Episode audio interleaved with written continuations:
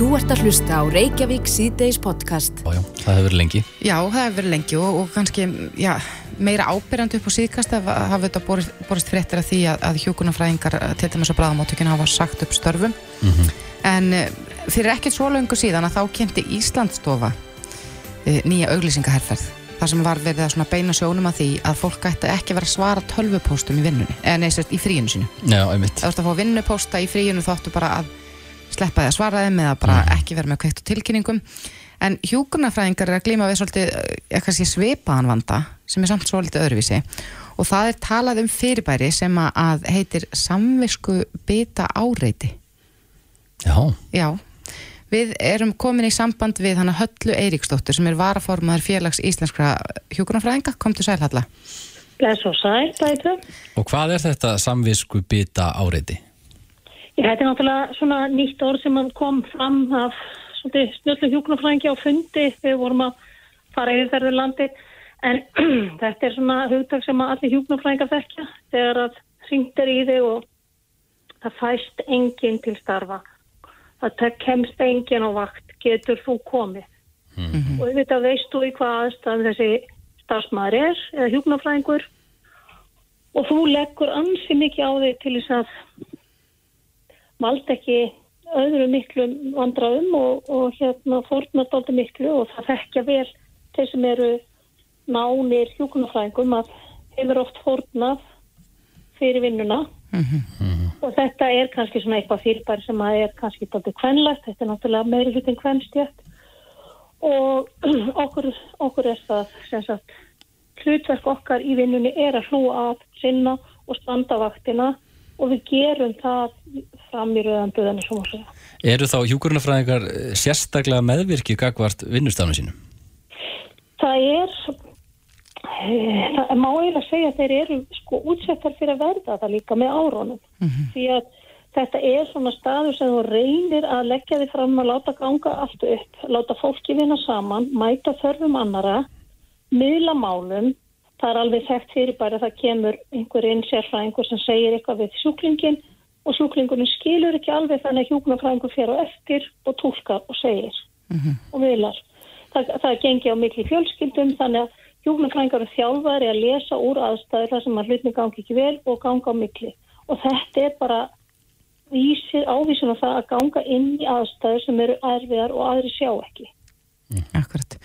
En, en uh, maður velti fyrir sér, sko, þetta vitum við það öll að það er holdt og gott fyrir alla að fara í frí og þá maður líka bara verið frí.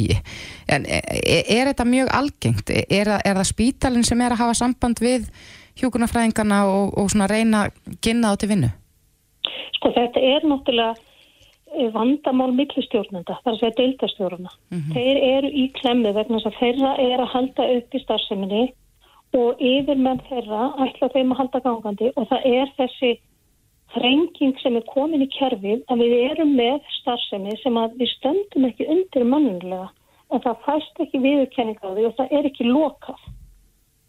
Akkurat. En, en þú skrifaðir pistil um þetta alla og þannig ertur mm -hmm. að hvetja hjúkunarfræðinga til þess að draga úr meðvirkni, hlúa sjálfum sér og, og, og í raun segir að það þarf ekki einu svona vera neinn ástæða fyrir þú komist ekki á vaktina, þú mátt bara vera heima og- með tærtan upp í loft. Já, sko, þetta er bara ákall til þeirra eða ávart til þeirra að reyna að verja sjálfa sér svolítið. Því að ég hef búin að standa í þessum sporum að ringja í hjúknarfræðing og byggja með vakt og þeir segja, ég get að koma, ég sé allt í lagi. En þú getur ekki kvart viðkomandi því að hann þarf alltaf að útskýra af hverju hann getur ekki mætt. Og þetta búið að vera mörg ár. Og það er, það er þetta sko, þú veist bara ef þú mætir ekki þá lendir næsti í miklu meiri vandrað Já, já, Akkurat þannig að það er ekki er kannski síður eyland. meðvirkni gagvart eh, samstarfsfélögum. Já, og þetta er bara, þetta er bara búið að vera í mörg ár og ég segi það ekki, yngri kynnslóðin eru svolítið betri í að standa þetta af sér, en ég held bara okkur takist með tímanum að hjálfa þá upp í að verða eins og við þessar eldri. Akkurat. En, en þú segir að þetta hafi verið svona í mörg ár. Er, er ástandi svipa núna og það var áður eða, eða myndur þú tólka það sem verra? Sko núna erum við bara komin í miklu sko vítakari e, erfileika þar að segja að þetta er um allt land. Þetta er ekki bara landsbytalan, þetta er ekki bara einstakastofnanir.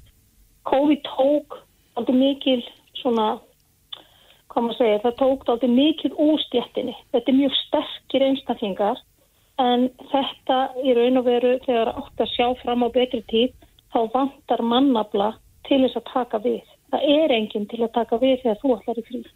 Nei.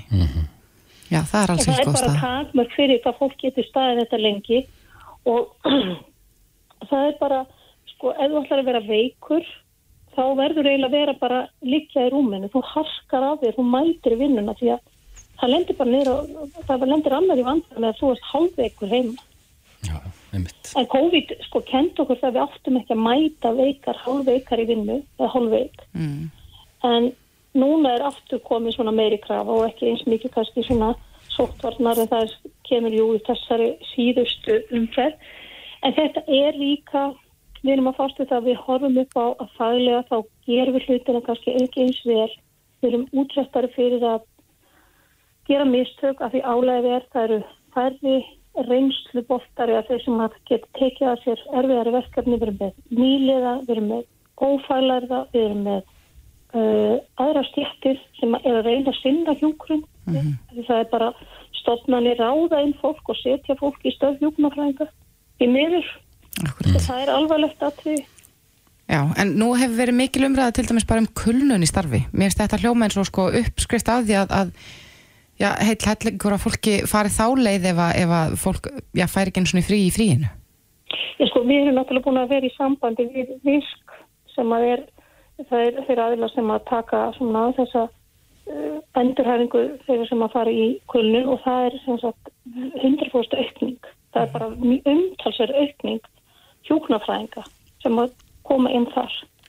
Þannig við erum farin að sjá þetta í veikindatími, sjúkra, afpenninga, það er allt að segja okkur hjá stjættafélagin að stjættin er að veikjast. Akkurat. Já, við verum alls ekki að, að, að samvisku bytta áriti verði eitthvað viðtakt. Nei og bara, þú veist, núna bara tími til komin að stoppa og gera það sem aðra þjóðir hafa gert. Þeir hafa bara komist á þessa stöðu sem við erum í, þeir hafa stoppað, þeir hafa sett um mönnumar viðnið, þannig að eitt hjúknarfræðingur hann á bara sinna x fjölda. Þær, þeir þjóður og þær ríki sem hafa gert þetta, þeir hafa stimmið tekist að snúa svo alveg við. Já, Það er döðsföld, það er hérna, endurinnkomur og hjúknarfræðingar endast betri vinnu. mhm. en þú hvetur allavega hjúkunarfræðinga til þess að, eh, já, hlúa sjálfum sér. það er eina sem við getum gert, passið upp á okkur því að er, þú, þú, ert, ein, þú ert á einu sem getur passað upp og það gera það ekki aðeins. Já, og mun það ekki líka ef að, ef að já, illa tekst að manna vak vaktirnar, ef það sko tekst enn verri en nú þegar er, uh, mun það ekki líka bara sína frekur, frekar fram á mönnavandan? Jú og það er líka, það, þetta er alltaf líka spurningin hver ber ábyrðina á þessar þjónustu. Mm -hmm. Hjúknarfræðingar hafa verið mjög duglega að taka á sig þessa ábyrð en þeir geta ekki borið ábyrð á heilbríðiskerfi sem er ekki nefn betur skipulegt en þetta. Nei. Halla Eiríksdóttir, varaformaður félags íslenskra hjúkunarfræðinga. Kæra þakki fyrir þetta. Þú ert að hlusta á Reykjavík síðdeis podcast. Sendingu. Og hann er sestur í okkur, Pálmi Jónsson, forstjóri heimkaupa. Komdu sæl.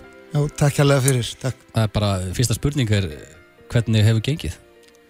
Uh, Viðtökunar hafa bara verið mjög góðar Já, og uh, endur speiklar pínlítið það, það sem að okkar viðskiptafinir hafa verið að kalla eftir.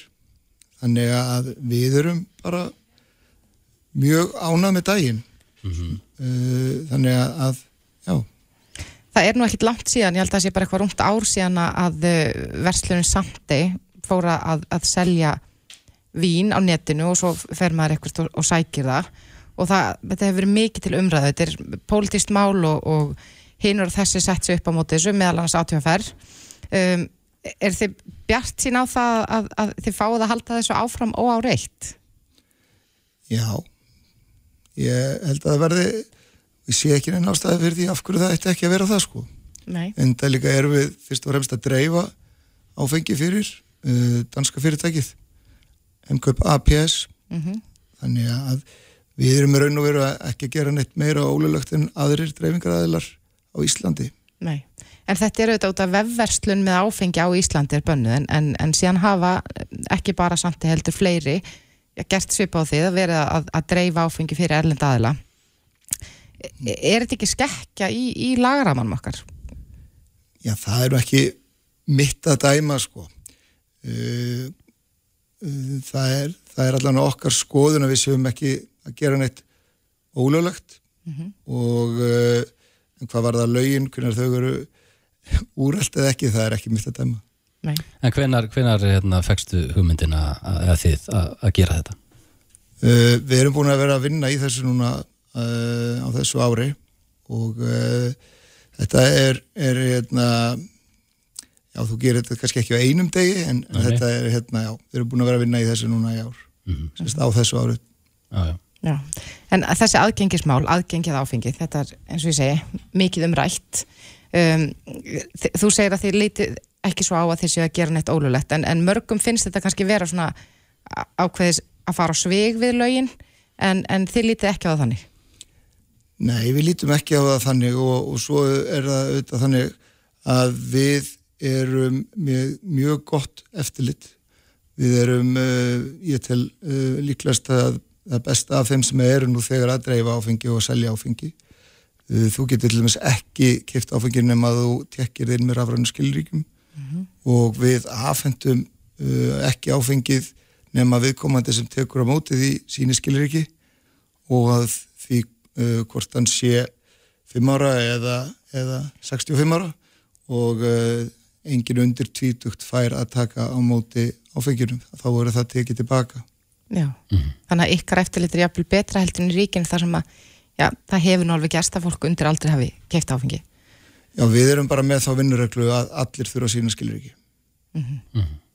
er, er eh, eins og við tölum um hérna á þannig þá er eflust markaður fyrir því að, að fólk vilja kaupa mat og drikk á sama tíma. Finnið þið það frá ykkar viðskiptvinnum að, að það fagnar því að, að geta keitt steikin og rauðvinnið á sama stað? Já, í þennan allavega skamma tíma sem við höfum nú verið að selja, þar segir þetta, þá höfum við séð það að, að eh, fólk er að kaupa mat og vín saman sem að segir okkur það að það hefur uh, markaður fyrir þetta. Og uh, eins og þetta hefur verið og er til staðar átífaferð er að selja uh, 6 dagar vikunar til 8 á kvöldin. Þannig að, að hérna það er, erum ekki að gera neitt nýtt með það að veita aðgang að áfengi. Það hafa nú eflust einhverju lent í því að, að já, muna svona á sunnudegi að, að vinnbúðin er ekki opinn á þeim dögum. Er hægt að, að versla vín á sunnudögum og fá það sendt heim þá Já, við sem sagt veitum þá þjónustu að við erum, uh, þú getur keift vín hjá okkur á sunnudögum og við sendum það heim til þína dyrum uh, á samt alla hérna þetta vikunar og uh, já, það er hárætt, það getur sumir stundum gleyma, gleyma hérna að kaupa vín fyrir sundagsbóðið, þá var oft gott að geta haft samband við okkur. Já. En hvernig vörur eru það að bjóða upp á? Lettvín, uh, bjór, Já, við erum selja bæði innlendan sem á erlendan uh, bjór og þá erum við að selja líka uh, rauðvin, uh, hvítvin og rósavin, kampavin og svo uh, sterkari drikki. En við uh, leggjum áherslu á það að selja líka fyrir innlenda framleiðendur. Það er mikilvægt að við sínum, sínum það. Og verðið, hvernig er það? Uh, það hefur bara verið mjög mikilvægt fyrir okkur þar sem að er, við erum stórvörmarkaður, við erum ekki sérfur veslun, að uh, okkar viðskiptaðinur sem að er almenningur eigi að fá vín sem að er bæði ódýr sem ód í dýrari kantinum. Þannig að það sé eitthvað fyrir alla. Já. eitthvað þannig að það er breytt vöru úrval. Já, Þannig að þú ert ekki trættur um að þetta verið stöðuð eða eitthvað? Eða er þetta að gera eitthvað til að koma með fyrir þessa þróun? uh, ekki ef ég er, ger eitthvað löglegt þá er ekki ekkert að, stöða mig fyrir það. En, en hérna já, á meðan að aðri dreifingar aðilar, bústurinn og fleiri fá að dreifa þá líti ég með að dreifa líka. Já, þú segir posturinn er þá að tala um þegar að, að fólk er að versla áfengi af erlendum síðum, bara bara, vinnframleðendum Amazon eða hvað sem er. já, bara verslar, verslar eh, til dæmis á Amazon eða fleiri aðilum það eru þetta vínmarkaðir um alla Evrópu og þú getur bara keft þar og fengið sendt heim til þín. Og hefur verið gert í langan tíma. Þannig að hérna og þetta er sjálfsög eh, nú þegar búið að flytja til landsins og, og innlendir dreifingar alveg verið að senda Er einhverju svona fleiri í þínum bransa sem er að hugsa um að gera það sama? Já, Nú voru bara að spyrja þá sko ég, ég sem þú hefur er ekki með þau símanúmer sko Nei, nei. sem endina Ok. Nei. Já, en, en nú hefur, eins og ég sagði líka áðan, sko, átíðaferð hefur reynda að reka mál gegn hinum aðalunum, en, en hérastómar hefur vísaði frá. Eh, heldur að það muni koma til kastana hjá ykkur að, að átíðaferð muni kæri ykkur fyrir þennan verkna? Ég hef ekki bara orðað þannig að nú er komið allan að fordæmi fyrir því að hva- hvar mörkin allavega en að verðist liggja eftir því sem ég best svona skil uh, þannig að, að ef að má lesa rétt úr því að þá, þá að hefur sandið sem að þú ert vantilega að vitna til Mm -hmm. er það að, að halda sig inn að marka Akkurat. Já, þetta er spennandi. Búist þið við því að, að vöru úr, úrvalið muni breyka, það verður fleiri vörur og, og, og þið haldið þessu áfram ókomna tíð. Já, það er þetta einn, einn af hérna, það er svona skemmtilegu hlutum við netverslun að þú getur haft mikið úrval og uh, lift mörgum að komast að þannig að, að meðal, meðan uh, verslanir sem eru með takmarka rými þar er þetta erfitt að komast oft inn fyrir nýja aðila Mm. Þá er, er, er netið aðila eins og við sem að getum opna leiðir fyrir, fyrir þá aðila tala nú ekki um fyrir uh, þá sérstaklega íslenska aðila sem hafa átt erfitt með að komast inn á markaðin Já, þetta er spennandi. Pálmi Jónsson, forstjóri heimkopa. Kæra þakki fyrir komuna. Já, takk, takk. Þetta er Reykjavík C-Days podcast. Það var nú kannski ekki gleði fréttir sem að bárust af verðbólkunni. Nei, hún er ansi há. Já, 8,8%. Við vorum hérna um daginn að tala við Konraðis Guðjónsson sem er aðalhagfræðingur stefnis og hann, eh, ég var svona að vísa í að þetta myndi líklast gerast í þessar viku og hún myndi vera svona milli 8 og 9% og það er raun gerast núna. Um, en hann Konráð uh, var í viðtali hér á markanum á fréttablaðinu, eða í markanum á fréttablaðinu þar sem að hann segir meðal annars að hann uh, telja að já, íbúðir, íbúaverð muni lækka Mm. Það eru ekki góða frétti fyrir þá sem að hafa keift í þessum já, í- á þessum skrýtnum tímum sem við lifum núna En góða frétti þá sem ætla að kaupa sér, setna. já, vissulega Mm.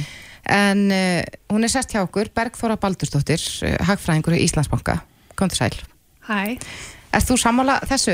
Er, er líkur á því að fastegnaverð muni lækka? Sko það sem að Konráð er að segja í þessu viðtali er að það mögulega geti lækka kannski eitthvað á milli mánada þá kannski einhver svona stuttu svona á stuttu tímabili. Mm og það er vegna þess að verðbólga er að mælast há og vonandi að íbúðaverð sé að fara að hæja á sér. Og Akkurat. þá gæti það alveg gerst, það er alveg möguleiki.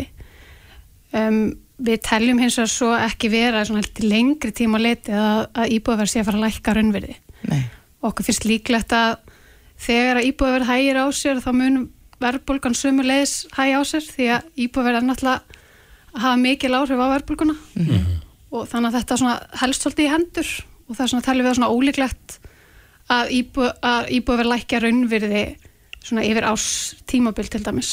En það gæti alveg gerst svona eitthvað á milli mánada já. En, en, en hvað þýðir það ef maður horfið til lengri tíma? Nú erum við þetta í svona skrýtnu ástandi, vextir eru háir, verðbólga sömu leiðis og við erum öll að vonast til þess að komast út úr þessu. Uh, mun, mun markaðurinn ná jafnvægi? Við erum að vonast til þess og það hefur tekið lengri tíma en við heldum. Um, það hefur verið svolítið segt í þessum íbúðmarkaði, hann hefur bara verið á flegi ferð, bara í þó nokkuð tíma núna. En er það þá ekki aðalega frambóðs já, skortur? Jú, vissulega er þetta svona, kannski orðið svolítið að frambóð skorti. Þetta var náttúrulega bara þannig að eftirspyrn jógst gríðilega mikið þegar vextir lækkuðu. Það voru bara fleiri sem gáttu komið sér inn á markaðin og þau gerðu það, kaupmátti launa var að aukast á sama tíma. Veist, þetta er margt sem helst þarna í hendur sem verður þess valdandi að eftirspurn eikst svona gífurlega. Fram, þú veist, það er kannski ekki eftir að kenna frambúsleginu um á þessum tíma því það var verið að byggja rosalega mikið af íbúðum. En það samt var ekki nóg þannig að þá hækkaði verðið. Og núna er frambúðið búið lítið því það er eiginlega bara búið að kaupa upp markaðin að má eiginlega segja það. Og þarna, það er samt svona blikur í lofti að það sé að koma meira frambúð af íbúðum inn á markaðin núna og þarna, vonandi ver- er það bara rétt Og er búið að hæja á eftirspurninni? Nú er kannski, nú náttúrulega er þetta að- vaksta umhverfi ekki eins hagstætt þannig að Já. það eru eflust ekki jafn margir sem geta stokkið á þetta núna. það er alveg rétt, það er svona búið að reyna allavega að hæja svolítið á eftirspurninu með því að hækka vexti meðal annars og það hlýtur að fara að býta og, hérna, og líka þrengja svona lánaskilirði sem að hérna, Sæðlabankin gerði fyrir tveimur vikum meðal annars fyrir fyrstu kaupendur. Já. þannig að það mun alveg hafa áhrif á eftirspurninu hún mun líklega stvína út af því. En er kannski erfitt að sjá það núna út af í það sumar og kannski minna um fastegna viðskiptið eða hvað? Já, sko fasteinamarkaður náða til að svona róast alltaf aðeins á sömrin Mm. en hann en svo veit maður ekki þegar það er svona rosalega mikil eftirspyrt hvað mun gerast á markaði það eru einhverjar svona fréttir núna það séu einhverjar vísbendingar um að það séu, séu að hægja markanum það séu einhver færri að koma á opin hús Já. og þess aftar en enn sem komið er þá erum við ekki að sjá það í gögnunum okkar sko, við erum ekki að sjá það í til dæmis þessari verðbólgumælingu sem byrtist í morgun hjá hagstofunni að, að íbúðverð sé að hægja á sér. En hagstofan mælir þetta reyndar með þannig hætti, hún mælir þryggja mánuða meðaltal. Þannig að fyrir þessa mælingu núna í júni þá var þetta mars, april og mæ mánuður sem var inn í mælingunni þeirra. Þannig að við sjáum ekki þú- sumarið, við sjáum ekki ennþá júni og þannig að ef að það er rétt að fasteignmarkarinn er eitthvað að róast þá munum við sjá það í hagstofamælingunum kannski júli, ágúst, eitthvað svo Akkurat. En, en sko ég held að, að, þeir, sko mikið búið að tala um þann hóp sem að, gat loksins, má segja, komist inn á fastegnumarkað þegar að vextir voru mjög lágir og, og voru það kannski að spenna bógan, jafnvel um of þegar vextir hafa hækkað núna. Eh, Er ekki alveg skiljanlegt að fólk verði jafnvel svolítið uggandi yfir svona fréttum þegar að, að það er talað um að fastegna verði gæti lækkað?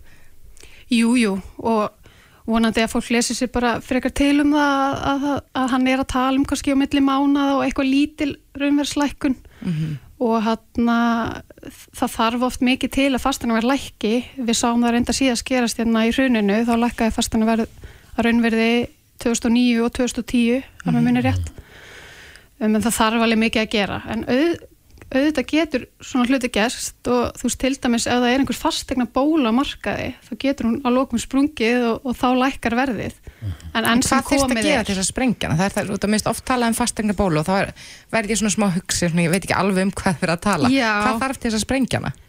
Sko enn sem komið er þá höfum við ekki miklar ágjör af því en þá er, þá er svolítið kappleip á markanum og fólk er að taka ofhá lán og þess aftar og þess vegna er Sæðlabankin að grípa inn í, hann hefur ágjör af þessu. Hann hefur ágjör af fólk sé að skuldsetja svo mikið og geti mögulega ekki greitt af lánunum síðan þegar vextir er að hækka og, og svo framvegis. Þannig að hann er svona að reyna að, að spórna við þessu akkurat þessari þróun. Já. En e, þetta er mesta verðbólga frá því hruninu. Já, Hvað þýðir þetta fyrir bara e, almenna heimili? það sem þetta þýðir er í rauninni bara við fáum minna fyrir peningin okkar.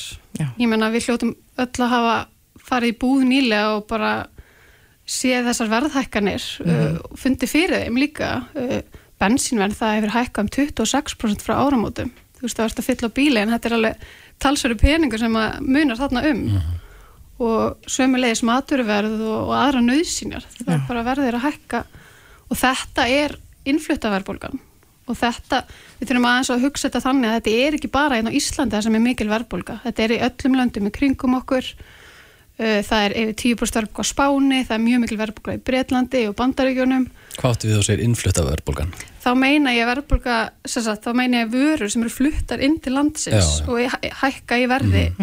Eru búin að hækka verði erlendis og koma þá hinga til lands Já, á hæra verði og það er vegna, bæði vegna COVID og svo stríðsins Akkurat. þannig að við erum að sjá mjög mikla verðbólgu allstæðir kringum okkur og við getum voða, lítið gert í þessari innfluttu verðbólgu það er ekki engin stýrivexti sem hafa beint áhrif á hana sko. Nei.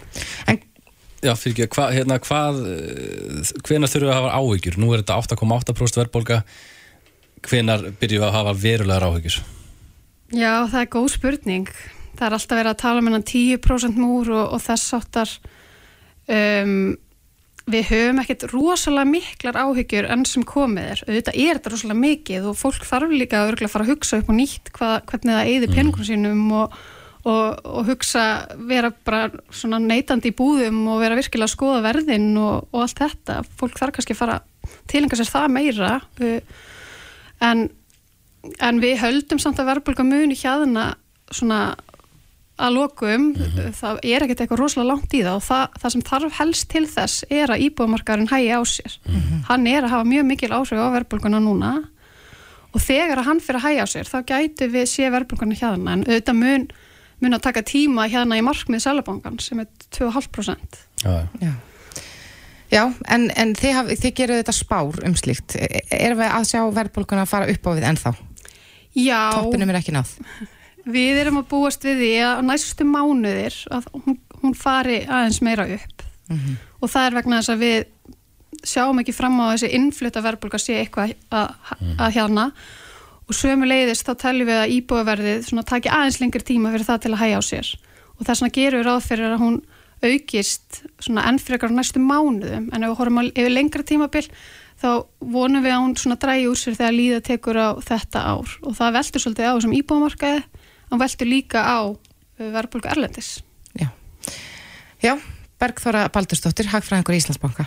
Kærar þakki fyrir komuna. Takk fyrir mig Þetta er Reykjavík C-Days podcast. Gesturinn að þessu sinni er engin annar en Reymur. Kom til sæl.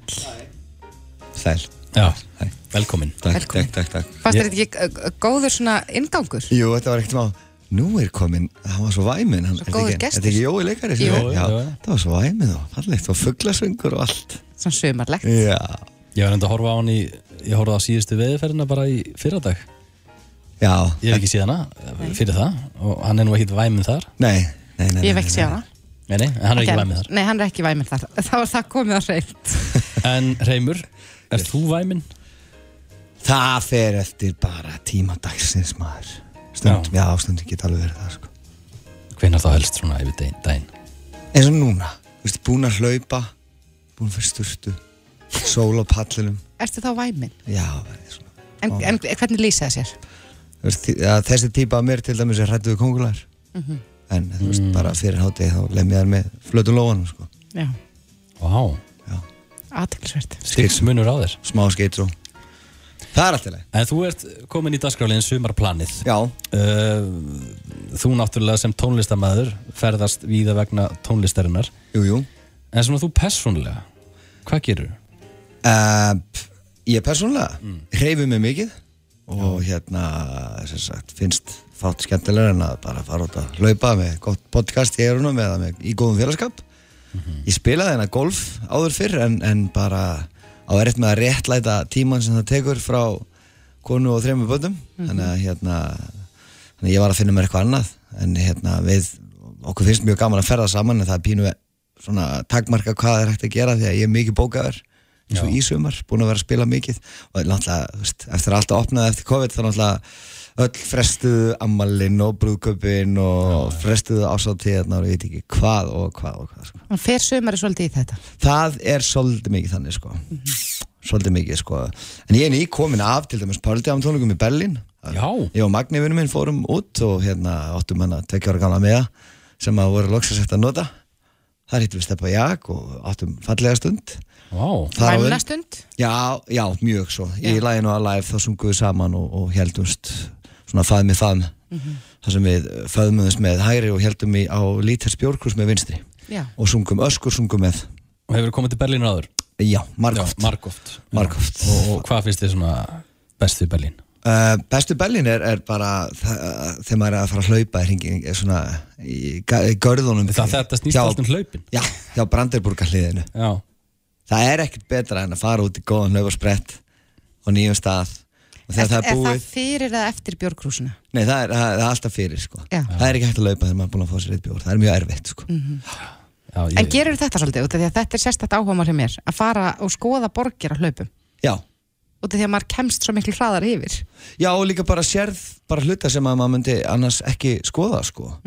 og hérna við afrækum það sem sagt að því að við vorum hana rétt hjá Valbúin eh, sem er svona tónleika hverja þarna hjá Olympic stad og öllu því þannig að við hopphjóluðum í rauninni Magni vel alltaf hopphjóla Já, já. þannig að við hopphjóluðum og, og óvart sáum við bara allt sem hægt er að sjá bara þverðum Berlín og hérna áttum fallega stund við minnis varðan um Já. helfurina og fórum ekki ennum Brandenburga hlið þetta var mjög skemmtilegt sko. Þetta er einmitt, inna, ég hef farið eitthvað að þrísa fjóruðsund til Berlínar og ég gerði það svolítið fyrir löngu síðan en svo fór ég núna í, í vetur og það var eftir að hoppjólinn komu. Já, og það var bara allt önnur lífsensla þá sá ég bara miklu betri. Þá Já. bara sá ég borgina í svona já, helstaðara ljósi. Þetta er svo mikið landflæmi sko. Og það er alltaf bara, nú eru hoppjól og Uber og, og taxar og allt þetta, annars var maður alltaf labbandi hana út um allt og reyna að fara í lestina. Og þú sér náttúrulega ekki í lestinni sko en hérna, það var, það var alveg geggjufæra það var ekki nema tvekja nátt að stopp við sáum allt, gerðum einlega allt. Og hérna, þar og undan fórum við fjölskyldan bara eins og allir aðri Íslendingar til tenni, Vestmanni er þeirra spánverja. Já. og hérna áttum góða stund en núna er þetta basically bara spilamennska, spilamennska, spilamennska hjá mér framöndan og hérna við Viki vorum að taka upp nýtt lag sem að kemur á já, ætlum, ætlum við ekki að spila það þér? Við ætlum að frumflytja Já, það. Fylgur frumflýða heiður. hér maður og hérna þannig að platan kemur út á næsta ári en núna byrjar sér sett geðveikin sko, þetta er hérna, ég er að spila á útitólningum á Bakarannis á föstaskvöldið næsta, á Jamali líka Jamali Býtu, það eru írskir dagar? Já, það eru íski dagar og svo þessi lop, lopapeysun er svo lögadeginum Já. ekki svo leiðis, íski dagar fyrst deginum þá er ég að fara að stíða stokka á svið með Gunna Óla og Sigur Bentins bæn og við erum að fara að vera með tónleika og það verður bara free of charge sko, allir geta mætt. Ísólfur, hann græjar allt upp á skaga sko. og hérna svo er ég að fara þú veist, aldamóta batterinu á kótilötuna og ég er að fara að hafa alltaf tónleika verður sérst í þjóðtíni Vestmannium svo held ég tónleika á Græna Hattunum 16. ágúst með Stóri Ljónsveit og ég er að fara helgina eftir Vestló er ég að fara að halda tónleika í Básuminni Þórsmörk áhugavert. Og hérna með ljónstinu minni og ég er að fara eftir það fyrir í Flatey svona að því gefna að baldur síðan þá Á lífi? á floti. Það er ekki gefins. Nei, nú, en, en hérna en ég er líka þess að milli náttúrulega er ég náttúrulega að fara að taka mig svolítið gott fyrir hérna, ég verð með hérna fjölskyldinu svolítið að virkum dögum á milli og við erum að gera svo mikið og við getum. Já, eh, t- tala eins um Tenerife sko, ég hef mikið áhuga að tala um það. Já. Eh, fyrir þig að fara til Tenerife uh, þekktur einstaklingur Já. er ekkert verið að byggja þeim að koma og spila eða gera eitthvað þar á pöppunum Nei, sko, menningin er bara allt öðru sér hana. Ef þú ert ekki bara gamall tjalli sem ert alveg ógeðslega sólbrún með hérna skyrtu sem er með svona stórum kraga, þú verður helst að vera með gullkeðju, þú ert að vera í skóm sem eru með svona mm. mokkasýrum sem, sem eru með svona silgu, já, og þú verður að vera klættur upp sem þá Elvis eða eitthvað það er bara karúki menningin er bara þar sko. menn er ekkert mikið að fara að taka lægið þarna sko. bara svona með gítarinn bara, það er bara ekki komið á Nei. En það væri mögulega hægt að gera það út samt að þú myndir senda bara, eða þú myndir vilja það það er að segja, senda á Íslingagrúpuna bara herri, reymir og ég er að spila en það myndir tró, tróðfylla staðurinn Já, Var, sko, ég hef alveg sko. heyrst af einhverju sem gera þetta. Pétur Jóhann var með eitthvað áramóta gegn hann úti og Já, ég sem meina það er bara hinur uppistand þessi og- sem að bara hérna, að því að þeir eru þarna og, og, og, og reyna bara já, geta búið sér til smá monsa núti eða eitthvað, þú veist, en þú vilt kannski bara verið frí. En þarna er það bara, sko, þú veist ég fer á tenni með fjölskyldina því að maður þarf bara að lappa allt Já, þú veist, já. það er engin, þú ert ekki á bíl eitthvað, eitthvað mikið. Og við leiðum okkur, við leiðum okkur eitthvað bíl einn dag og tókum hérna ringin ykkur með hérna Já, já, geggja, en, en nú er ég mér forritin að vita þetta því að ég þekki ekki svona geggara líf. Þú ert að fara á Akranes og Já. Flatey og Þórsmörk. Tekur þú fjölskylduna með? Ekki í þetta en, en eins og að þau fyrir norður þá ætla ég að taka alla með. Mm. og hérna og við ætlum að reyna að gera eitthvað svona aðeins meira úr því. Þú veist, taka langa helgi og lengja það aðeins og hérna og, og, og það getur nú vel verið ég kipið með mér á hérna föstudaginn að því að náttúrulega bara þetta er opið fyrir alla Já, og, og bara stórt lókjari og Akranesi og allir velkomnir og, og náttúrulega tápa mín, hún er náttúrulega eitt mesti sigur beintins aðdándi, þú veist, allra tíma þannig að það er ekki setna á vatninu bara að sjá hana þar já, og getur meiri þess að hleyftin í baksviðs Já, aldrei að vita gæti leiftin að hitta Sigur Beintis, Já, já. hugsa þér En Nei. ert þú ekki mikill svona útilegum aður eða? Nei, ég hef svo sem aldrei verið þar sko. Nei, En það er náttúrulega, sko, það kemur líka bara til að því að sem barn vorum við ekkert mikið að ferðast eitthvað mikið, það var bara Vestlumannahelgin og kannski einferði vestmanniðar á ári, sko, þú veist. Svo elst ég náttúrulega upp á bara svínabúi og það var bara ekkert hægt að fara mikið í burtu. Og ef einhverju þurfti að fara þá fóru mamma og pappi með þá Sigga bróður og ég var eftir og sáum búið. Þannig að það var svolítið þannig, sko. Það sveita strákur Já, bara alveg kór, bara bónda Já, bíli já, já, bara svínabú, Vesturlandi. Já, Vesturlandi Álfóla hjálega Já, Álfóla hjálegan, góða. En Uppáhaldsstaður á landinu, það er einn spurning sem við spyrjum alla sem koma hingað í þannig dagskrunni. Hver er uppáhaldsstaðurinn? Ekki segja Öllu Íslandi. Þú mátt, hann má segja það sem hann vil, Já, ok. Benni. Sko uppáhald staður minn á landinu er í rauninni bara það sem við köllum naflan við sunnlendingar Já, sunnlendingar Sko ég myndi segja uppáhald staður minn á landinu er rangað alltaf sísla Bara eins og hann leggur sig. eins og hún leggur sig. Mm, Já, og þar á ég lítið land til dæmis upp í landsveit sem er ekkert svo langt frá bara gallalæk og þar sem heitir Kaldakinn. Og við fjölskyldan eigum þar spildu og stefnum að því að byggja bústæðana þar væri ég með front row seats þegar hekla byrjar að gjósa til dæmis. Ég elska að keira inn í Þósmörk og fara og hlaka þvílíkt til að vera með tónleika þar innfrá já, einmitt. Að vera geggjað. Og hérna Eyjafjöllin, Landegarnar Kólsvöllur, allt þetta dæmi. Ég, ég, þarna er ég heima Ræturnar. þarna er ég heima. Mm. þarna, þarna fer bara blóðþyrstingurinn niður og, og hérna púlsinn fer ekkert upp fyrir 52 sko. Og er eitthvað kennileiti sem þú svona farið aldrei leið að skoða? um, já í rauninni, það er bara þegar að sko það, það er þessi kistla Mm. eins og frá bara frá hellu yfir á Kólsvöll þegar þú ert með bara uh, fjallasínun á vinstri hönd hvort sem þetta er hekla alveg að tindfjöllum og, og hérna og eigafjöllin og eigafjallu aukull þarna því ég fæ aldrei leið á þessu. En það elska ég líka að vera inn í sko hjá Í- Ívar Þormarsson trommarinn minn hann hérna hann er með hótel fljóslíð inn í hérna Já, sem smáratunni inn í fljóslíð þegar maður er komin þangað og ert bara með þósmörkina og eigafjallaugunum beint fyrir fram að þetta er uppáhaldstæðara minn í heiminum Hljómar mjög vel. Ég sé þetta fyrir mér þú lýsir þessu. Ég sé fyrir mér bara í góðu veðri. Já, eða ekki góð veðri. Já, ég menna útsýni er líka góð, í vonduveri sko Nei, neins svo sem ekki Fjöllin er alveg jafn tignarleg. Já. Ekki kannski jafn, en ok, Já, þau eru já, tignarleg. Já, skemmtilegt. Mjög Þannig að skemmtilegt. þetta sumar mun engina svolítið af því að vera að ferðast á landi til þess að vinna og svo nýta virkudagana í að eigða tíma með fjölskyldinni. Já, út að hlaupa með emblum minni og toppum minni vera duglegur að horfa á Star Wars með strákunum og gera allt sem því tengis sko.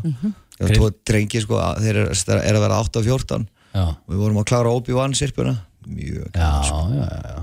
Þú ert að kenna þeim Já, þeir mér Já, já, já, já, einmitt. já, já, já, en ertu ekki að grilla? Jú maður, ég er að fara bara að gera það akkurat núna Við erum að fara að borða saman okkar Við búum hérna upp í Nólinguhaldi og við erum að fara að grilla saman okkar fjölskyldur og borða á pallinum og Og hvað? samtengja tvö soundbox og hafa Hvað? gaman, smá happy hour Hvað? Grilla hvað? Já. Ah, Hval? við erum að fara að grilla hval Nei, tók, við erum hérna Það er bara lamb og pilsur maður Bara eitthvað Já, basic já, já, já. Já, Reymur Örn Heimisson, kæra þakki fyrir komuna. En, ekkert En bara hvað? Ég Nei, já. að enda þetta á nýju lægi Já, auðvitað, við erum að frumflytja lagi, hvernig gæti ég glemt því?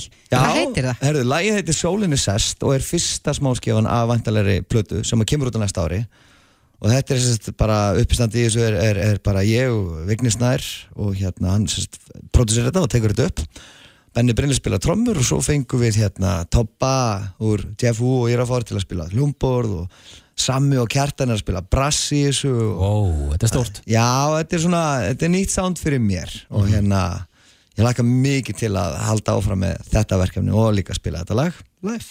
Takk fyrir konar Reymur, heyrum lægið Takk fyrir mig. Sólin er sest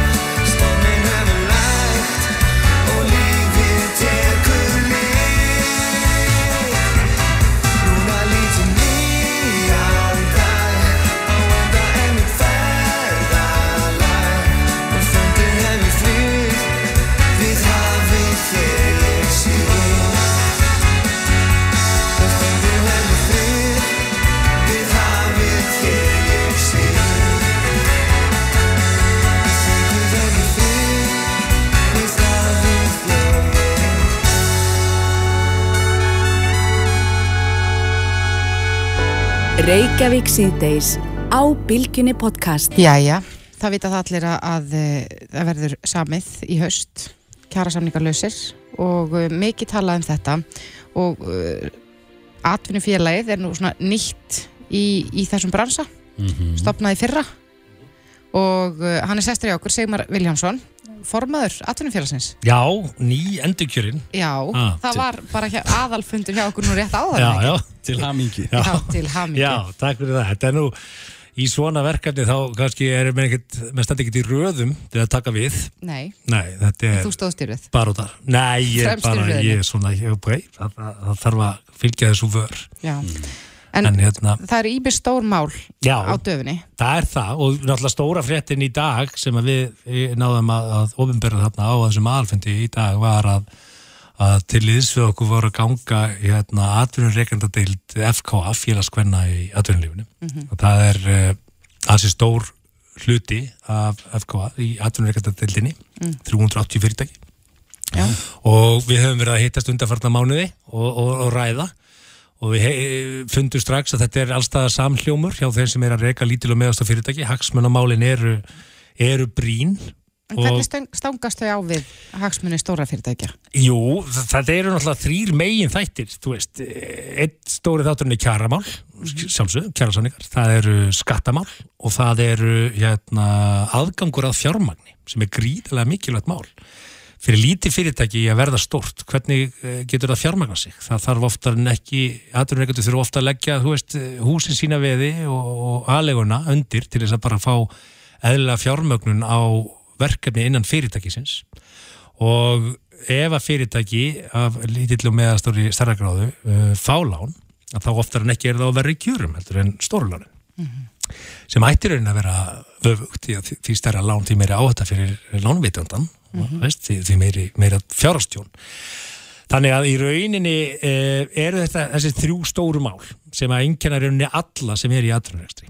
Og hugmyndin með félaginu er ekki að verða sérhagsmunafélag uh, heldur að, að vinna þvert yfir, yfir uh, þessa stærð fyrirtækja. Og ég, ég hef oft nefnt sér dæma því að menn segja þetta bara ESSA, hva, hvað með þá? Jú, ESSA er frábær samtök uh, fyrir 20 árum síðan þá, þá var Svafa í 17 með fatavestun sem var stærri en össur það hefur margt breyst á þessum tíma Uh, á þeim tíma var ákvörðan að taka innan ESSA byggð á breyðari grundvelli atvinnulífsins heldur en í dag. Því að reglusjóðsins eru það að þeir sem borga mest ráða mest sem þýðir að ákvörðan að taka innan ESSA uh, hefur bara færst á færri hendur. Það þýðir ekki að ESSA sé slæmt fyrirtæki, alls ekki. Það vantar bara lítil og meðast á fyrirtæki sem eru notabene langstæsti hlutin af íslensku atvinnulífi. Þau eru í rauninni hagsmuna munaðalus, ef svo má segja. Og, og það eru bara ákveðin stór mál þar sem hagsmunni fari ekki saman. Uh, við getum tekið bara sem dæmi í kjarasamningum. Auðvitað eru allir sammál um það í aturrekstri stórum sem smáum að það er rosalega lítið ef eitthvað svigur um til launahækana en við vitum það líka að vöru verður að hækka þannig að einhvern veginn þurfa að laga kaupmátt fólk verður að geta að lifa af þannig að allir sammál um þetta. Hvernig er þetta að ná því saman? Það er klárlega ekki með því að fara í stríð verklæðisreifingin og essa haus á móti hausins og rútar, það gengur ekki við þurfum að fá ríkið að borðinu það þarf að, horfa á þetta heilstætt þannig að við erum alveg sammála þar. Við erum sammáli fullt af málum í, hagsmunamálum beggja. Síðan koma svona önnur mál sem snúa til dæmis bara að segja um veikindaréttur starfsmanna. Það vil enginn skerða það, við viljum auðvitað standa vörðum alla í landinu. En uh, á Íslandi erum við svolítið sérabáti ef við tökum og berum okkur saman til dæmis við Svíþjóð. Uh, í Svíþjóð er reglan bara þessi að fyrsti dagur í veikindum hjá starfsmanni það er ekki greitt fyrir það. Svíðarnir segja bara, heyrðu, þú ert ekki veikur í einn dag, þú ert veikur þá í, í tvo daga. Þannig að fyrsti veikindadagur er ekki greitt fyrir hann. Þannig að menn hafa svona hægt og rólega að vunni sig út úr mánudagsveikinni í Svíþjóð. En gerir það ekki bara verkum að fólk verður þá alltaf í burtu í tvota? Til Já, þess að ég, fá báða ég það ekki, greidda? ég veit það ekki.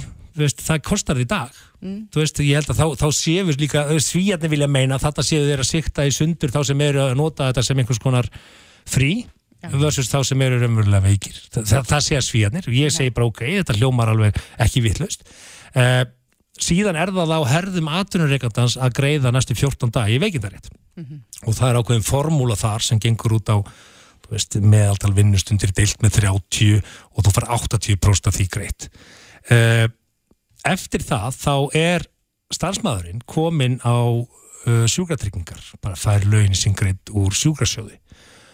Og þetta held ég að sé gott fyrirkomulag. Uh, hvernig á að borga þennan sjúkrasjóð? Jú, fyrirtækin í landinu borga inn í hennar sjúkrasjóð svo að sjúkragjald hlutvarslega eftir stærð fyrirtækja. Það þýðir að að einhver leiti mundu þetta því að her, fleiri krónu fyrir stórfyrirtæki skilur, þeir þurfti alltaf að borga aðeins meira inn en þeir eru að gera í dag í samskottsjóðin en hlutfarslega alveg það sama og lítil og meðastafyrirtæki og ég vil meina að þetta sé eitt af þessum málum sem að skipta minni og meðastafyrirtæki gríðarlega miklu máli. Að því að við tökum fjóramanna fyrirtæki og eitt starfsmæði veikist er 25% starfs fólki fyrirtæki sinns veikt. Það þarf mögulega að ráðin annan á sama tíma sem getur heimlega bara sett hag í efnaðarsekning fyrirtækisins. Og ef við mátum þetta við Æsland er ef þeir myndu missa 25% af starfsmennunum sínum í veikindi þá var í fyrirtæki óstarfæft en líkurnar á því að það gerist hjá Æsland eru engar en líkurnar á því að þetta gerist fyrir lítil og meðast fyrirtæki er bara að gerast á hverju minnsta degi. Já. En sko ég hef heyrti segja það sem að, að, að já, þið er erfiðara með að fá sæti við borðið Mm. að þið vilji geta samið Já, en, en eru það ekki að komast þangað? Nú jú, voru jú, þið að fá, við ne, Ég nú voru það að fá liðsafla Já, segja, já, með félagi hvernig Já. mun þetta hjálpa ykkur? Sjálfsög, hvernig á verkefnisefingin að líta fram hjá félagi sem er orðið þetta stórt og fer vaksandi Þú veist, og, hérna, og ég vil líka nota tækifæri fyrst ég er í útarpinu að tala við þá sem eru raunverulega einirkjar og eru í, í, í rekstri. Meðalstórt fyrirtæki er með alltaf 160 starfsmenn. Hagsmunir atvinnifélagsins er að berjast fyrir hagsmunum allra þessara fyrirtækja í þessum þremum málaflokkum sem skipta gríðarlega miklu máli. Fyrir mekkjunni sér hagsmunni og öll fyrirtæki sem er ekki skráð í neitt félag, ekki í SA þeim ber samkvæmt lögum að fylgja samt kjærasamningum SA með því að gangin í atvinnufélagi þá ertu allavega að koma þér undir einhvern hatt þar sem hagsmunni þínir verða mögulega leittir áfram. Og því fyrr sem við fáum fyrirtæki til að skrá sig inn í atvinnufélagi því stærra og sterkara verða og því fyrr getum við séð breytingar. Og nótabenni þessar breytingar þær, eru, þær munu gerast, þetta er bara spurningi hversu hratt þær gerast. Já.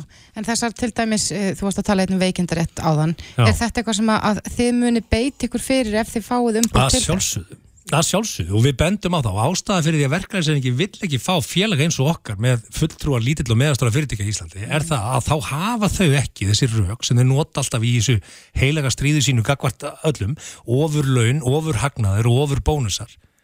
Það eru, lítill og meðastóra fyrirtæki er ekki að borga ofur laun, ofur hagnaði og ofur bónusa. Það eru stóru fyrirtækin. Og með því að fá inn viðsemjenda sem er ekki þar mann geta sínt það bara í gögnum það er engir ofurhagnaðar, ofurbónusar í gangi, með fólk bara reyna að halda rekstrinu gangandi og halda hjólum maturinn sinns gangandi það eru þetta erfiðari viðsemjandi. Þess vegna vilja þeir ekki sjá okkur við borðið. Mm skiljiði hvert ég er að fara? Já. þannig að sko við verðum að horfa á þetta heilstætt og, og hérna og þetta er ekki óvinna veist, þetta er ekki við á móti þeim veist, við erum saman hérna og við þurfum að finna, finna réttu lausnindar og veist við í atvinnifélaginu og lítil og meðast fyrirtæki þau eru ekki hrifin á ofurhagnaði bankana Nei. en við erum samt inn í SA og undir SA er meðal hans félög í fjármálafyrirtækjum þau eru öll undir sama við, við erum með hérna, sjávörðisfyrirtækjunum í hagsmennafélagi gegnum SA Já. En nú eru margir búin að tala um það að það verði líklegast átök í haust. Já, Þú sér það þannig líka. Já, sko, það fyrir allt eftir hvernig umræðan er og því miður það sem að maður sá síðast þegar SA og, og verklæðsefningi var að tala saman, þá náðum en ekki saman það var um þessar lífskjærasamningar sem komu aftur gríðarlega niður á litlum að meðastóru fyrirtækjum og voru gerð greinilega í algjöru hugsananleysi því því að þau snerta minna stóru fyrirtæki þannig að menn geta samið af sér að því að menn hafa ekki hagsmunni lítil og meðastóra fyrirtækja að leiða sig það er bara þannig Sigmar Viljámsson, Yes. formaður atvinnufélagsins. Já, Takk fyrir komuna. similegis Hlustaðu hvena sem er á Reykjavík C-Days podcast. Hann er besti vinni. Fannar er ekki að lusta samt Nei, Nei, nei, ætli fann að sé kannski að lusta á sig að uppgötu þetta núna. þá bara fattar hann það núna Já, Það er bara eitthvað sem ég þarf að takast á við Já akkurat, en uh, að allt öðru, ástarsorg. Við erum búin að tala um það nokkur sem hér í dag, að við ætlum að fara að tala um ástarsorg. En uh, popsálin er hlaðvarp sem er sálfræð, svona pop hlaðvarp með sálfræðilegu ívafi. Mhm. En uh, þáttastjórnundur þar voru nú að taka fyrir eh, málefni sem að, að mér finnst mjög áhugavert. Og það er, sko, svona ástarsorg og ástin frá svona vísendalegu sjónarotni. Hvað Já. er að gerast innra með manni þegar maður er í ástarsorg? það er ímislegt svona líkamlegt og þess aftar Akkurat, kannast margir við ástafsökina Já. hún er ekki hún er ekki góð Nei, hún er komin til okkar Já. Elva Björk Ágústóttir, sálfræðikennari og umsjónamaður hlaðvarpsins Popsólin, verður velkomin Takk, takk. Takk fyrir að bjóða mér. bara gaman að fá þig um, ástarsorg, er, er hægt að, að skýra það eitthvað svona út, út frá eitthvað svona líkamlegu vísendalegu, hvað gerist hjá manni? Já, já, já, já. Og þetta er alveg uh, oft meira en, en ég held að margan grunnar sko. Þetta er uh, bara útrúlega líkamlegt, andlegt, sálrænt. Þetta er bara næstu jafn mikið, eða bara sumar rannsóknir segja, þetta er bara jafn mikið og bara líkamlegu sásöki, því það er svo svipu ferli sem fara að stað. Það hafa verið gera til dæmis rannsóknir á bara ástasorg, einnig sem er kannski svona freka siðlaus, það sem að hópur og fólki var látin horfa á myndir af sínum fyrverandi sko, sem að Já. þau hefðu verið að svona upplifa ástasorg í tengslu við og, og á meðan þau voru að horfa á þessar myndir af sínum fyrverandi þá voru settir í heilaskanna og var kannað sem sagt hvaða ferli fyrir að stað í heilanum þegar þau horfa á þessar myndir. Og það var bara sama ferli og fyrir að stað þegar þú lætur síðan annan hópa fólki hugsa um það að brenna sig á sjóðan heitu kaffi. Já, ok. hann heitir bara svona ah. sásauka ferli heilanum okkar er eins. Og, og það er eitt af því sem að hérna, við vitum svona frá vísindalegu sjónamiði sem að hérna, segir okkur hvað þetta er bara vond í rauninni, bara alveg rosalega vond, en það er samt bara í rauninni eitt partur af þessu, af því að sko annað sem gerist þegar við erum í ástarsorg, þótt að sé svolítið kannski ólík sorg eftir því hvort þetta er bara eftir eitthvað svona stutt fling eða eitthvað svoleiðis eða svona eitthvað eftir eitthvað svona samband sem var kannski aldrei samband og svo kannski svona samband sem hefur verið lengi sko, að til dæmis bara ef við tökum dæmi um svona uh, sambönd sem einhvern veginn urðu aldrei sambönd, jafnvel svona það sem þú ert hrifin af einhverjum og hann er ekki hrifin af tilbaka, svona óendurgóldin ást sko, sem kannski sumir myndi ekki eins og kalla ást, það verður stundum bara meira einhver svona Þráhyggja, sko, þú verður svo upptekinn af manneskinni og þú farð ekki manneskina og hérna og, og setur manneskinu upp á eitthvað svona stall sko og ert með bara svona einhvern veginn ímyndaða sín af ykkar lífi saman sem er ekki raunverulegt, þetta er bara eitthvað svona drauma ímynd af þessara mannesku og þegar síðan það svona krassar í rauninni, þú ert svona komast að því að þið eru ekki að fara að vera saman, manneskinn vill þið ekki eða manneskinn getur ekki verið með þér eða eitthvað svoleiðis þá uh, ofan að þessi líkamlegu sásöka viðbrögð að þá er þetta líka sko svona þessi mikla höfnunatilfinning og þetta er líka svona, maður upplýði líka svona, við kallum þetta hugrænt mistræmi, þú ert búin að vera hrifin af einhverju mannesku, búin að setja hann um upp á einhvern svaka stall og, hérna, og við, við verðum eiginlega að gera það því það er svo erfitt fyrir okkur að ímynda okkur að við getum ekki fengið einhvern bara meðaljón skiljiði, þannig við verðum að hæpa manneskuna upp til þess að búa til einhvern veginn rökju haustum á okkur að við gáttum ekki fengið manneskuna en ofan á þetta er sem sagt alls konar tilfinningar. En síðan þegar við erum með um, þegar við erum að upplifa ástasorg eftir kannski lengra samband þá eru fleiri ferli sem fara e, af stað, til dæmis bara sambund sem hafa kannski verið í gangi í sko ára tugi jafnvel. Þeir jafnvel bara byrjuð saman þegar þeir voru úlingar og þegar þeir eru að alast upp saman. Þá er þetta líka bara svona þannig að þetta samband er bara partur af þenni sjálfsmynd. Og allt í henni eftir sambandslið þá ertu líka bara velta fyrir þau veitir hver er ég, hvað finnst mér skemmtilegt? Hver eru vini mínir? Og hver eru vinir fyrirverandi maka míns um, og, og svona einhvern veginn þú ert að endur uppgöta sjálfa þig. En það sem gerist síðan svona í heilanum okkar og er ástæðan fyrir því að við tengjum ástasorg stundu við uh, svona eins og að vera í frákförfum frá bara fíkn er að sko það er ákveðin svona bóðefna flæði og hormonaflæði sem fyrir að stað þegar við erum ástfangin. Fyrst fyrir að stað alveg bara þýlikt svona dopamin flæði þegar við erum óksla skotin og, og við erum að hérna að býða eftir að fá skilaboð og hvert einasta like og hvert einasta svona ping í símanum okkar feikir á dopamin flæði í svona í bara líkamannum og heilanum okkar sem okkur finnst gott, þetta er gleði tilfinning þetta er svona umbuna tilfinning og þetta er svolítið svipa bara eins og þegar við erum að fá eitthvað gott að borða eða, eða hérna, vinnum pening í spilakassa eða eitthvað svona, þetta er rosa sterk tilfinning og rosa sterk svona líkamleg e, tilfinning.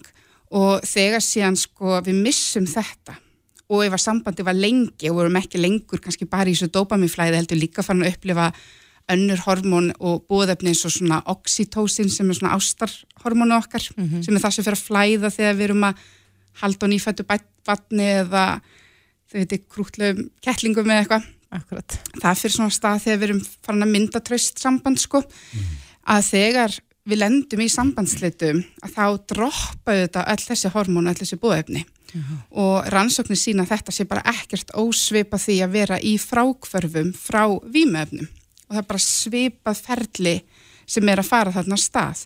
Og við sækjum þá í þetta aftur. Og þess vegna er við stundum mörg að lendi því að vera alltaf að tekka á fyrverandi á samfélagsmiðlum og svoleiðis. Við erum að reyna að fá einhvers konar dopamin kick, við erum að reyna einhvern veginn að fá aftur þessa tilfinningu sko. Já, en sumir hafa sagt að maður missi pínu raukhugsunna. Já, alveg Er það sko. tengt þessu? Kannski, Já, ég talaði um það í, hérna, í popsálar þættinum þar sem við Solrún, vorum, eh, Solrún Ósk Sálfræðingur, vorum að tala um ástasorgina og hún er mikil sérfræðingur í ástasorg. Ég var um að tala um það að hérna, það er aðili hérna úti sem að, einmitt hefur allt aðra mynd af mér heldur en mögulega flest allir að því bara bókstallega misti vitið í einhvers konar höfnunar ástasorg skilji, svo þegar maður bara einhver, var bara einhver úlingur og, og hérna bara misti það. Af því að maður var bara ekki með raukugsun en málið það að við erum sko tilfinningaheilin okkar er alveg eldgamall. Við erum bara eldgamall svæði í heilanum sem er bara þessi tilfinningaheili sem er bara eh, þetta, þetta má finna líka bara í öpum og öðrum dýrum og svona meðan raukugsunum okkar og þessi stjórn og tilfinningum okkar er miklu nýri partur á heilanum okkar svona framheilanum. Hann er þegar tilfinningarnar okkar fara að stjórn okkur þá svolítið missum við tökinn sko og við svona verðum svolítið svolítið crazy sko. Já, og sækjum kannski í eitthvað sem er óæskilegt. Já, Eins og, einmitt. eins og, eins og fík á til með að ge- gera. Akkurat, og það sem, ger, það sem er líka að gerast, við erum að sækja í, ef ég má aftur taka dæmi um bara þegar maður er kannski búin að vera í löngu sambandi, þá ertu búin að mynda svo marga taugatengingar í heilana þínu með tengslu við þessa mannesku, þú veist það er svo margt sem tengist þessari mannesku, alls konar lög og, og eitthvað svo leiðis og þegar við síðan hættum saman þá eru þessar taugatengingar þar hverf ekkert, þar eru þarna alveg ennþá, það er ennþá einhver lög og það er ennþá einhver lykt sem minnir þau á viðkomandi. Og það sem við þurfum að gera ef við ætlum að reyna að komast yfir ástasorgina er einmitt, að leifa þessum taugatengingum aðeins að sjatna, aðeins að minka. En með því að vera alltaf að fylgjast með viðkomandi sem við getum núna með samfélagsmiðlum, við gátum þetta ekki fyrir 20-30 árum, með því að vera alltaf að fylgjast með viðkomandi þá ert alltaf að viðhalda tengingunum. Alltaf að þessu gangandi. erfiðar að vera í ástasorg í dag en það var fyrir 20 ára með Vi, já, það var svona okkar kenning, okkar solruna í popsólinu, það er mögulega erfira því þú ert ekki að slökka tengingunum Já. og ert alltaf að, að viðhalda þeim og eins og í tengslu við svona lög og svona sem að minna þig á manneskuna að það getur verið bara ákveðin æfing að reyna að búa til nýja tengingar í kringum lögin eða lyktina eða hvað sem það er með því að byrja að hlusta á það við bara þið veitir þú ert í fjallgöngu eða þú ert að gera eitthvað allt annað sko þannig að þú býr til nýja tengingar í kringum ákveðin En, en eru við ekki svolítið mismunandi samt þegar það kemur að þessu? Nú eru sömur tilfinningar næmir og Mhm. aðrir minna. Þannig að e, e, förum við mismikið í ástasorg? Já, skoðað? ég held það, án þess að sko eh, þekkja það eitthvað vísindarlega, þá bara sér maður það náttúrulega fólkinu kringu sig að, að við erum svona kannski mis eh, viðkvæm fyrir þessu en rannsóknir sína samt sem er svolítið áhugavert að sagt, kallmenn koma verð út úr sambandslitum eftir langt samband. Það hefur með það að gera að allan að svona eldri kynnslóður að kallmennum, þeir hafa minna stuðningsnett, konan svona hér áður fyrir allana, ég vonandi er þetta lagast, en konan hafði starra stuðningsnett, hann er að við vitum til dæmis bara þegar uh, hjón hafa gengið í gegnum lífi saman og annar aðalinn fellur frá, þá er það í rauninni miklu hættulegra heilsu kallmannsins heldur en heilsu konunar, af því hann hefur engan, það svo algengt að konan hans verður hans stuðningsnett, Mhm. meðan við Já. konur höfum svo marga aðra sko. Já. Mhm. Já, svona félagslega Já, einmitt, já, og þess vegna sko sjáum við að ástasorg hún getur haft uh, meiri áhrif á þá þótt að kannski við, við svona stereotýpan er að það séu við stelpunar sem erum grátandi yfir Adele eða eitthvað svolítið sem við mögulega gerum en svona, ef við hugsaum En- samt svona áhrif á heilsuna En er það ekki líka bara svona pínu sjálfspíningar kvöð, sko? Ef maður er í ástasorg þá ætti maður ekkert endilega að vera að hlusta á Adele Nei, sem akkurat. syngur eiginlega bara um ástasorg. Akkur, það er ákveðin svona einhver, ég veit það ekki, einhver svona þörf fyrir að leifa sér að vera þarna. Já. Ég upplýði þetta mjög stert. Ég þarf alveg að fá að hlusta á þessi lög fá heima hjá mér með hirtnatóla upp í rúmi eða eitthvað, að fá að dvelja bara hans í sorgina því að við þurfum að díla við hana og kannski, það er kannski munurinn, að við dílum við sorgina kannski bara á ólíkan máta.